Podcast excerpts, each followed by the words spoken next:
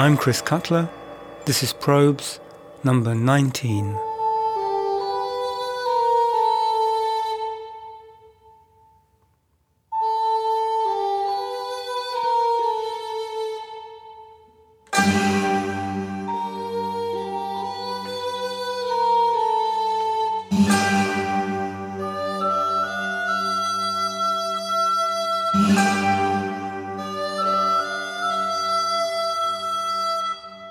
In the last episode, we were looking at the increased use of percussion in the first half of the 20th century and its importation from Far Eastern and South American sources. Influences from Africa, discounting the imaginary Africa of American exotica, came only at second hand through the Caribbean and Latin cultures of the African diaspora. Contemporary African instruments didn't feature in any of the expanded orchestral percussion sections, nor were they included in popular or dance music, until the end of the mid 1950s, when a handful of black jazz musicians began to take a political interest. There'd been some limited presence before. Prince Ephraim Odoh a master drummer from Nigeria, had been teaching African music and dance in Harlem since the 1920s, and in the 1930s he put together an all African drum ensemble, which made a number of very visible public appearances. And another Nigerian master drummer, Baba Moses Mianas, had come to America in 1933 to perform, and passed on some of his knowledge to students. But in general, African instruments remain confined to ethnic dance ensembles and museum displays of national folk art. Until 1954, when the Ghanaian master drummer Guy Warren arrived with the express ambition of bringing African rhythms into jazz. His manifesto recording, Africa Speaks, America Answers, was released in 1956 an innovative and sophisticated mixture of languages, quite unlike anything else around at the time. And although it was praised, it sold in tiny quantities and had very little visible impact. The complaint always seemed, to Warren at least, to be that he wasn't really African enough, meaning, one assumes, that he didn't play to stereotype. Looked at in hindsight, he was probably a little too African, by which I mean not American enough. It's worth trying to hear the whole of this very varied and highly original record because it's impossible to select a single representative track. But here's an extract from the more obvious Ai Wala Dong.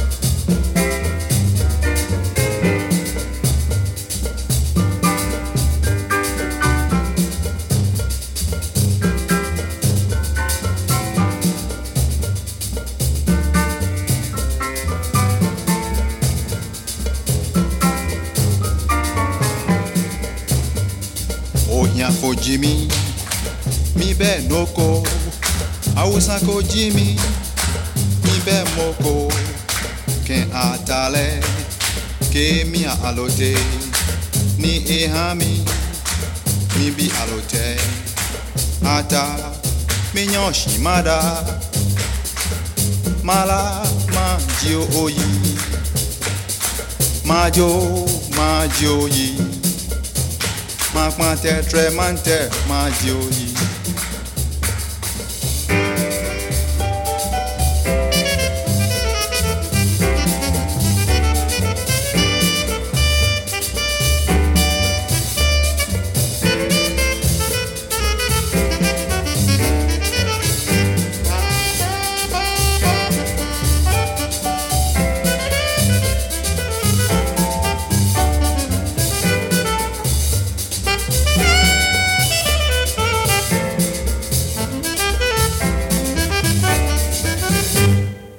And call this a footnote because it's not strictly on topic. I would like to play a little of Ode to a Stream from the same LP, remembering that this is a 1956 jazz album.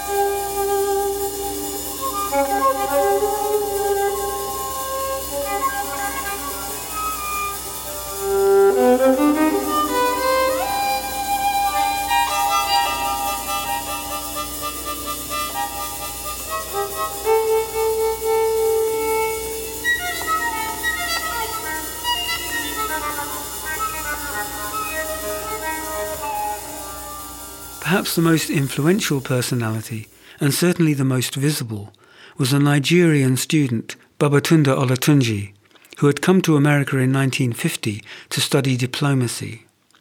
To help pay his way, he formed a percussion group, and when in 1954 he moved to New York to take a course in public administration, he kept the group going.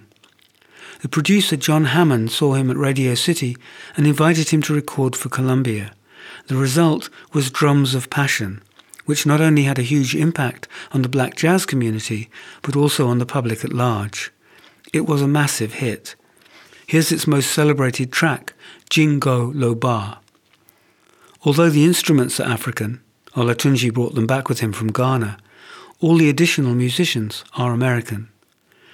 I'm sure the impressive sound quality of this recording played a part in its success, as did its confirmation to stereotype, in which respect it differs from the Guy Warren LP.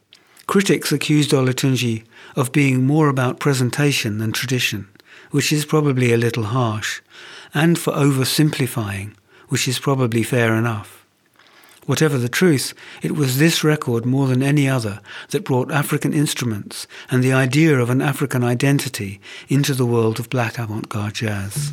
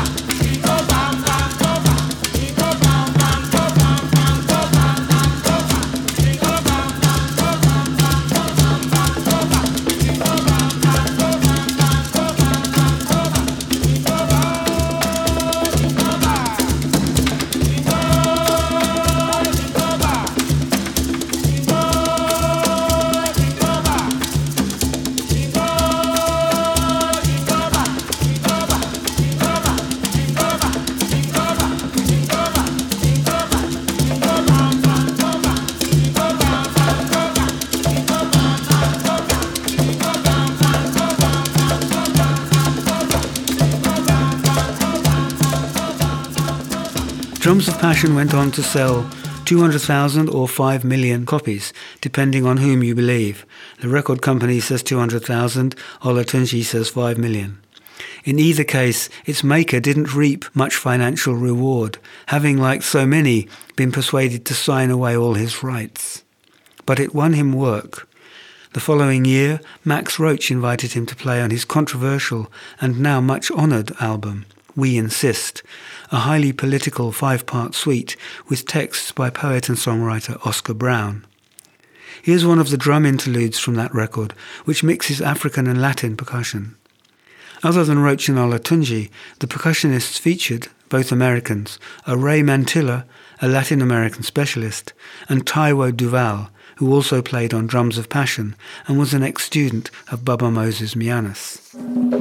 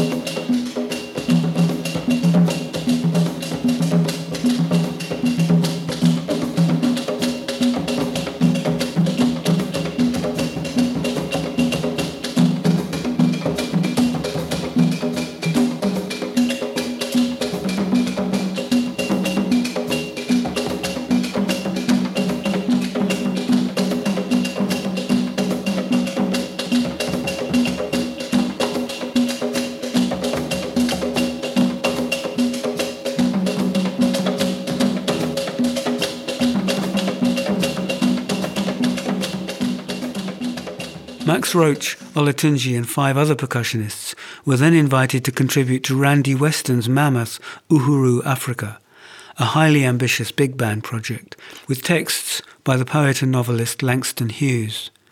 Weston, like Roach, had a clear political agenda, and this record helped to clarify a sense of identity that was forming in parts of the black community around the notion of an African homeland. I'll play an extract from the opening track which is far and away the strongest musical statement on an album otherwise composed of pretty straight ahead jazz. It's the texts and the sentiment and the title that deliver the album's message. Uhuru! Freedom!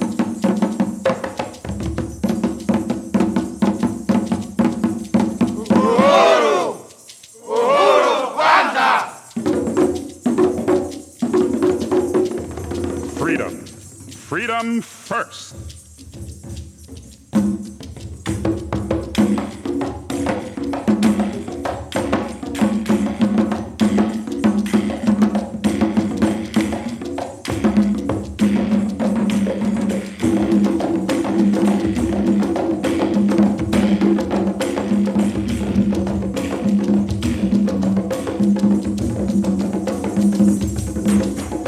out of yesterday's night, Uhuru.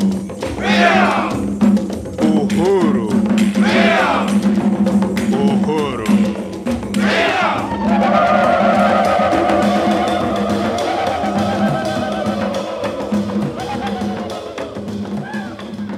Drum orchestra material had been part of Sun Ra's repertoire for some years, and when he relocated to New York in 1961, it wasn't long before several of his band were earning money on the side playing in Olatunji's drum ensemble. But Ra himself was no purist. His Africa was an Africa of the mind.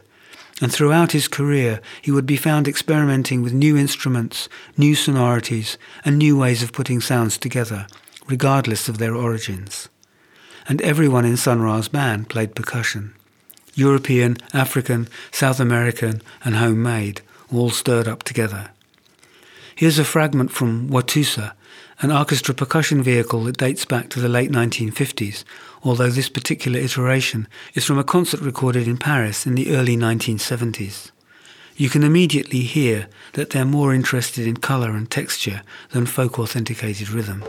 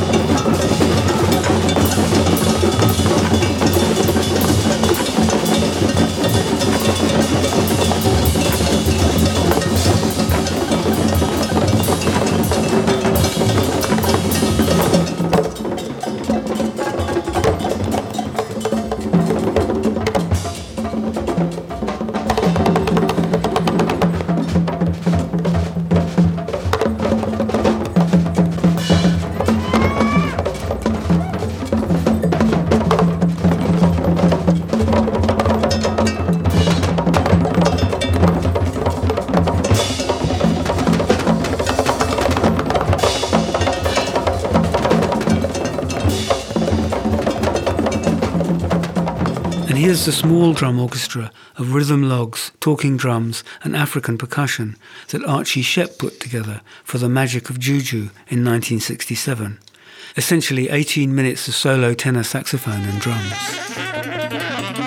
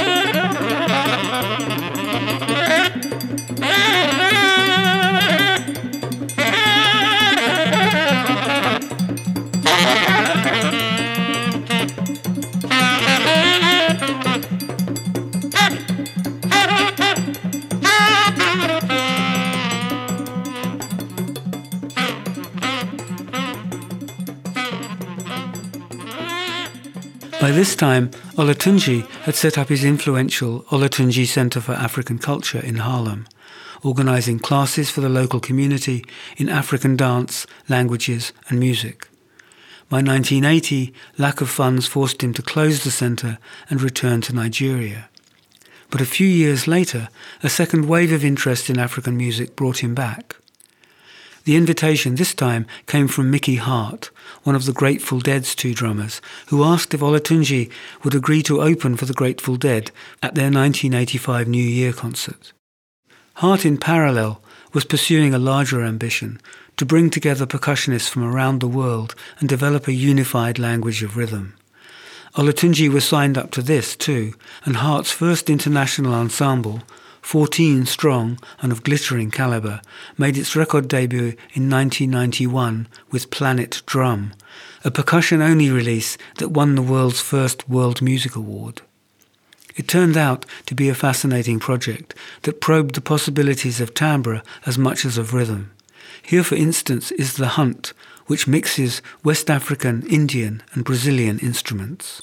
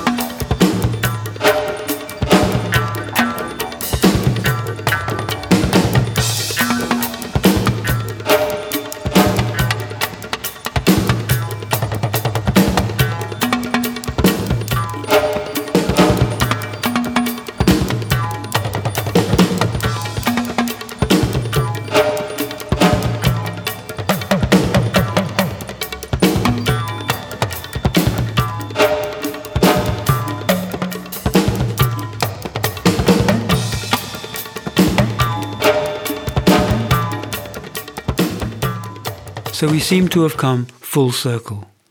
Much like the early ragtime and vaudeville drummers at the end of the 19th century, globe-trotting percussionists at the end of the 20th century were picking and mixing from what they found around them. Only now there was an awful lot more to choose from. And before we move on, one curiosity. This song, The Jungle Line, by Joni Mitchell, is floated over a French ethnographic recording of the royal drummers of Burundi. It's a prescient use of what John Oswald would later call a macro sample, and it would be many years before anyone else would follow its example. This was released in 1975.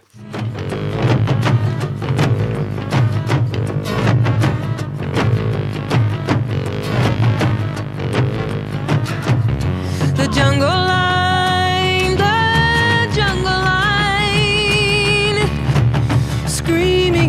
ritual of sound and time,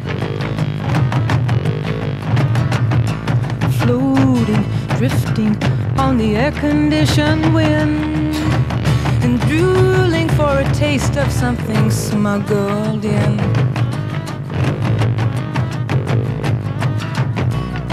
Pretty women funneled through valves and smoke,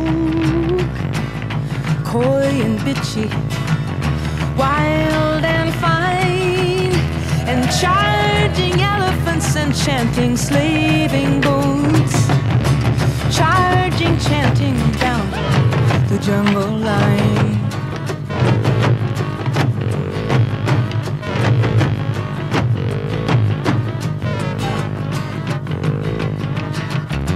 There's a poppy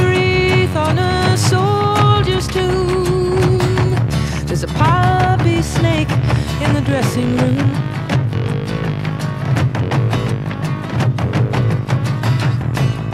Poppy poison, poppy tourniquet. It slithers away on brass like mouthpiece spit. And metal skin and birds go steaming up to Rousseau's vines. They go steaming up to Brooklyn Bridge. Steaming, steaming, steaming up the jungle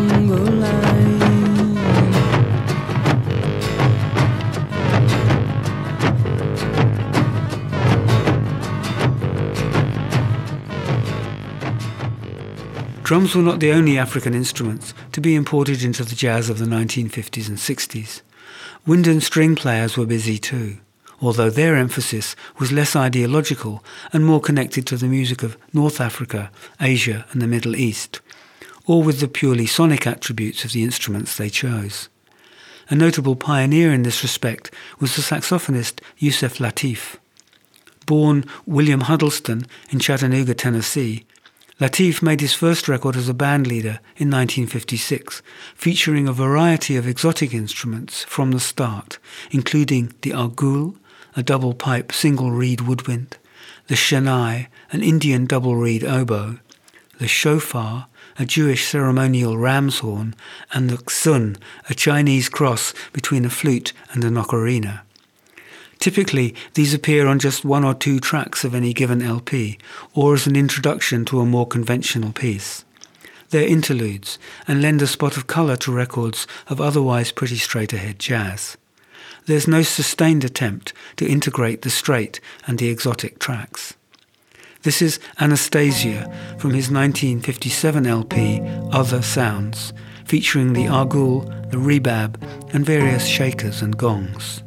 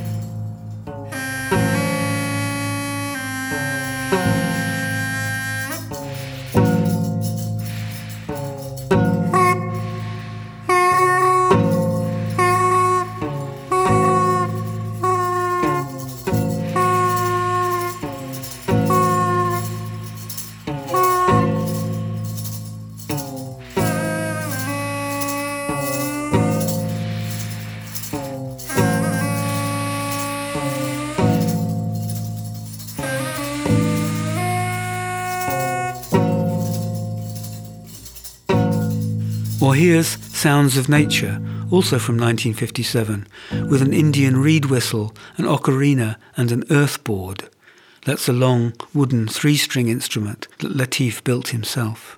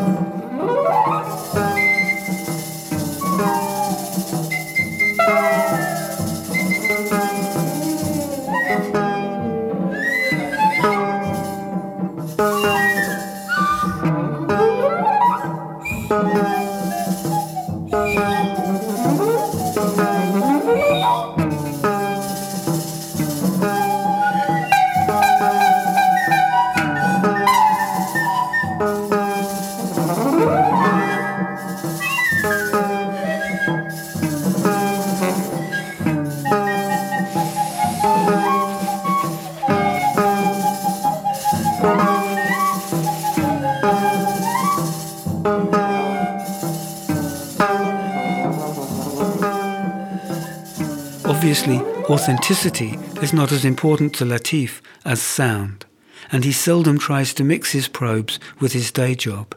But here, in Sister Mamie, he does stick to his guns and make it work.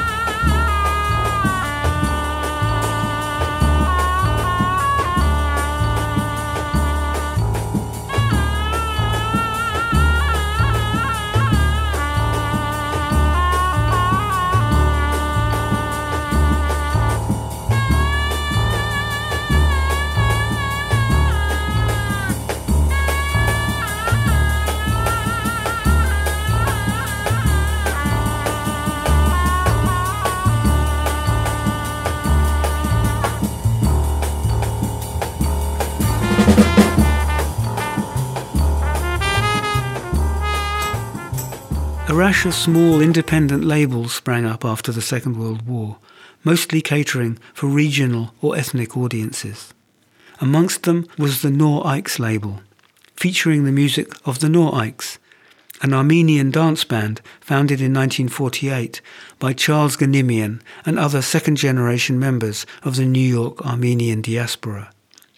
Ganimian, who was an accomplished oud player, that's a species of North African lute, even chanced his hand in the world of pop with the mildly parodic novelty hits Daddy Lolo and Come With Me to the Casbah, which mixes Eastern cadences and growly rock saxophones in a not entirely serious but also not entirely frivolous way. Many years later, he would be drawn further into the world of jazz by Herbie Mann, with whom he played the oud on several records and tours. But this is from Come With Me to the Casbah, the only album Ganimian made as a band leader in 1959.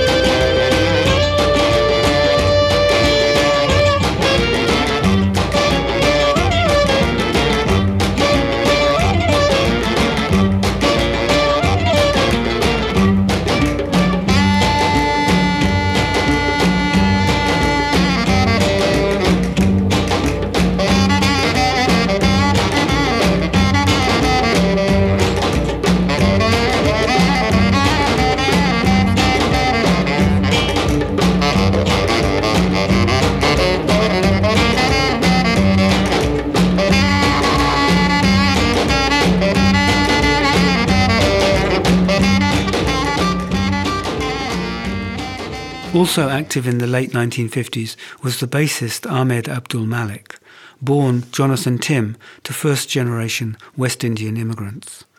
A major figure in the new jazz, he worked with Art Blakey, John Coltrane, Thelonious Monk, Randy Weston, and a host of others. He too was an accomplished oud player and made serious efforts to integrate it into the language of jazz. Here, for instance, is El Haris from his first LP, Jazz Sahara, released in 1958.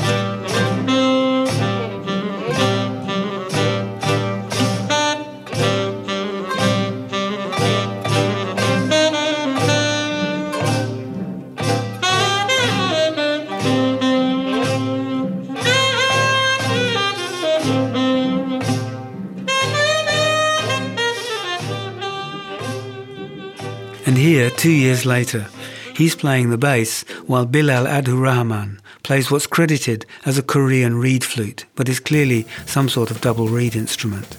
This is from Nights on Saturn, released in 1961.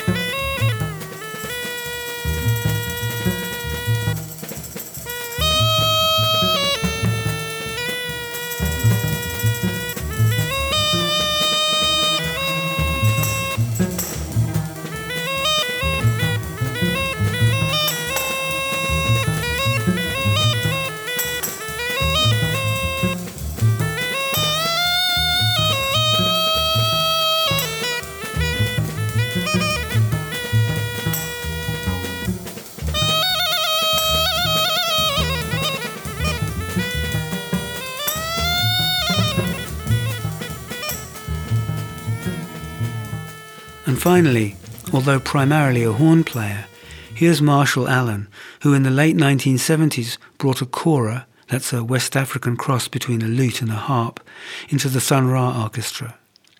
He made no sham of playing it in the traditional style, although he was clearly familiar with normative playing techniques, but instead he mines it for sound. This is from a concert in Paris in 1986.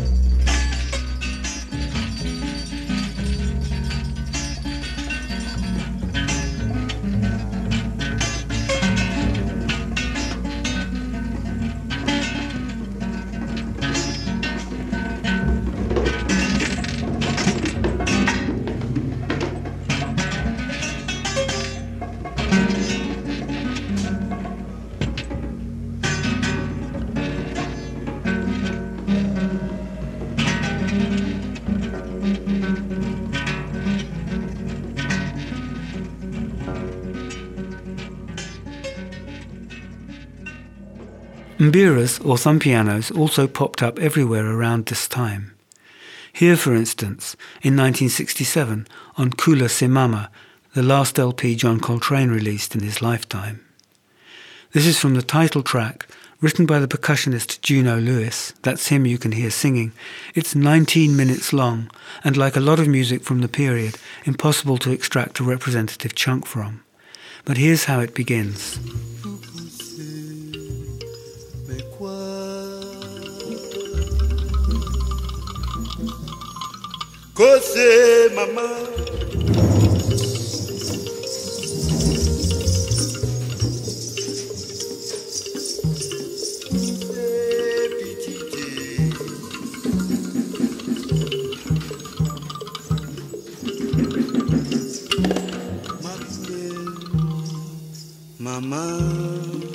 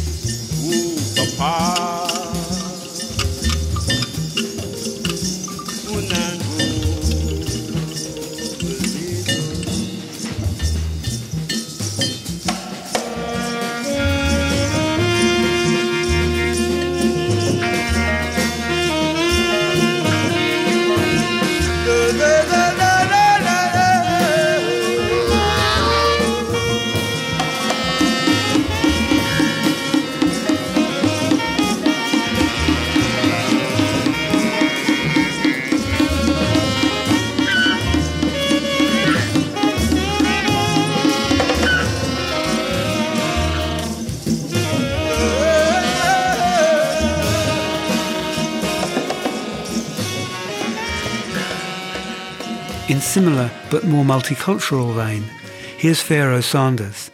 This is the opening of his 28-minute Sun in Aquarius, released in 1969, which features a reed flute, thumb pianos, gongs, and assorted shakers and percussion.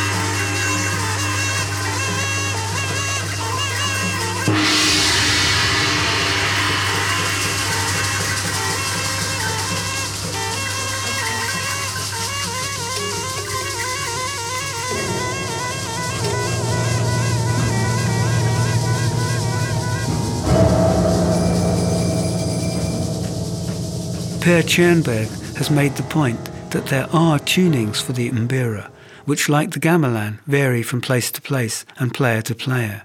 But in jazz contexts, since they were mainly used for atmosphere or ethnic identification rather than as part of an organized music, the tunings were typically random. To complicate matters, the English ethnographer and musicologist Hugh Tracey began to manufacture his own redesigned version of the mbira in 1954. This was tuned diatonically in the key of G, and the tines were arranged to read a descending scale by shifting alternately from right to left, moving inward with the lowest note in the center. It was this version of the mbira, thanks to some very effective marketing, that rapidly spread around the world and its brand name, the kalimba, has now come to stand as a synecdoche for all mbiras. Here's blues singer Taj Mahal playing one.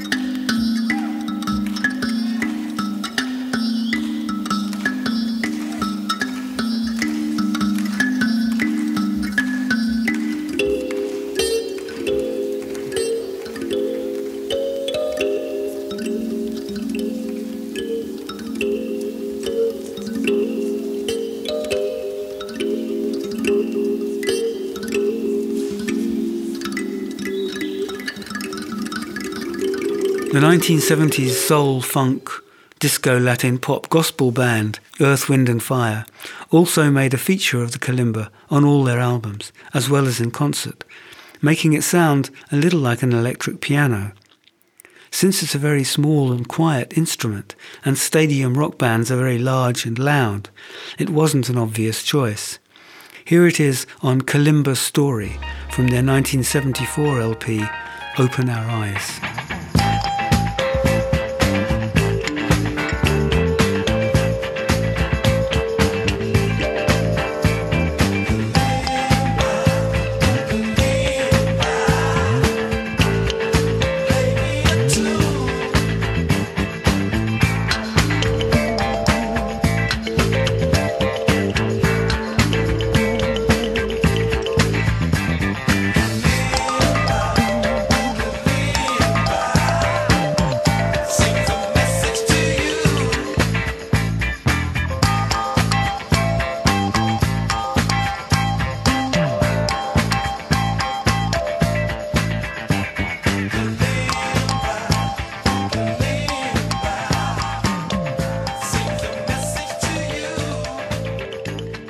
Bill Gilonis's All Thumbs, it's the absence of a systematic tuning system that gives the work its substance.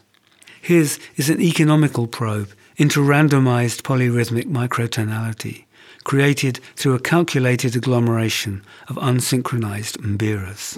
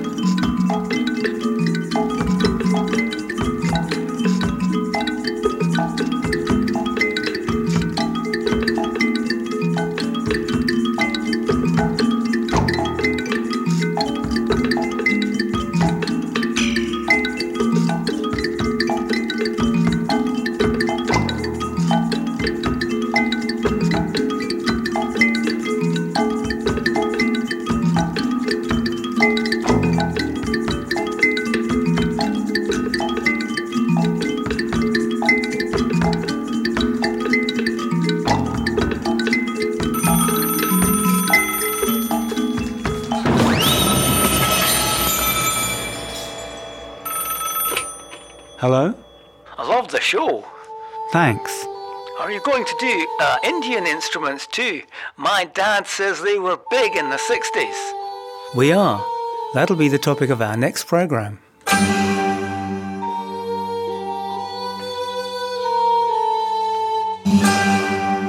I'm Chris Cutler. This has been Probes.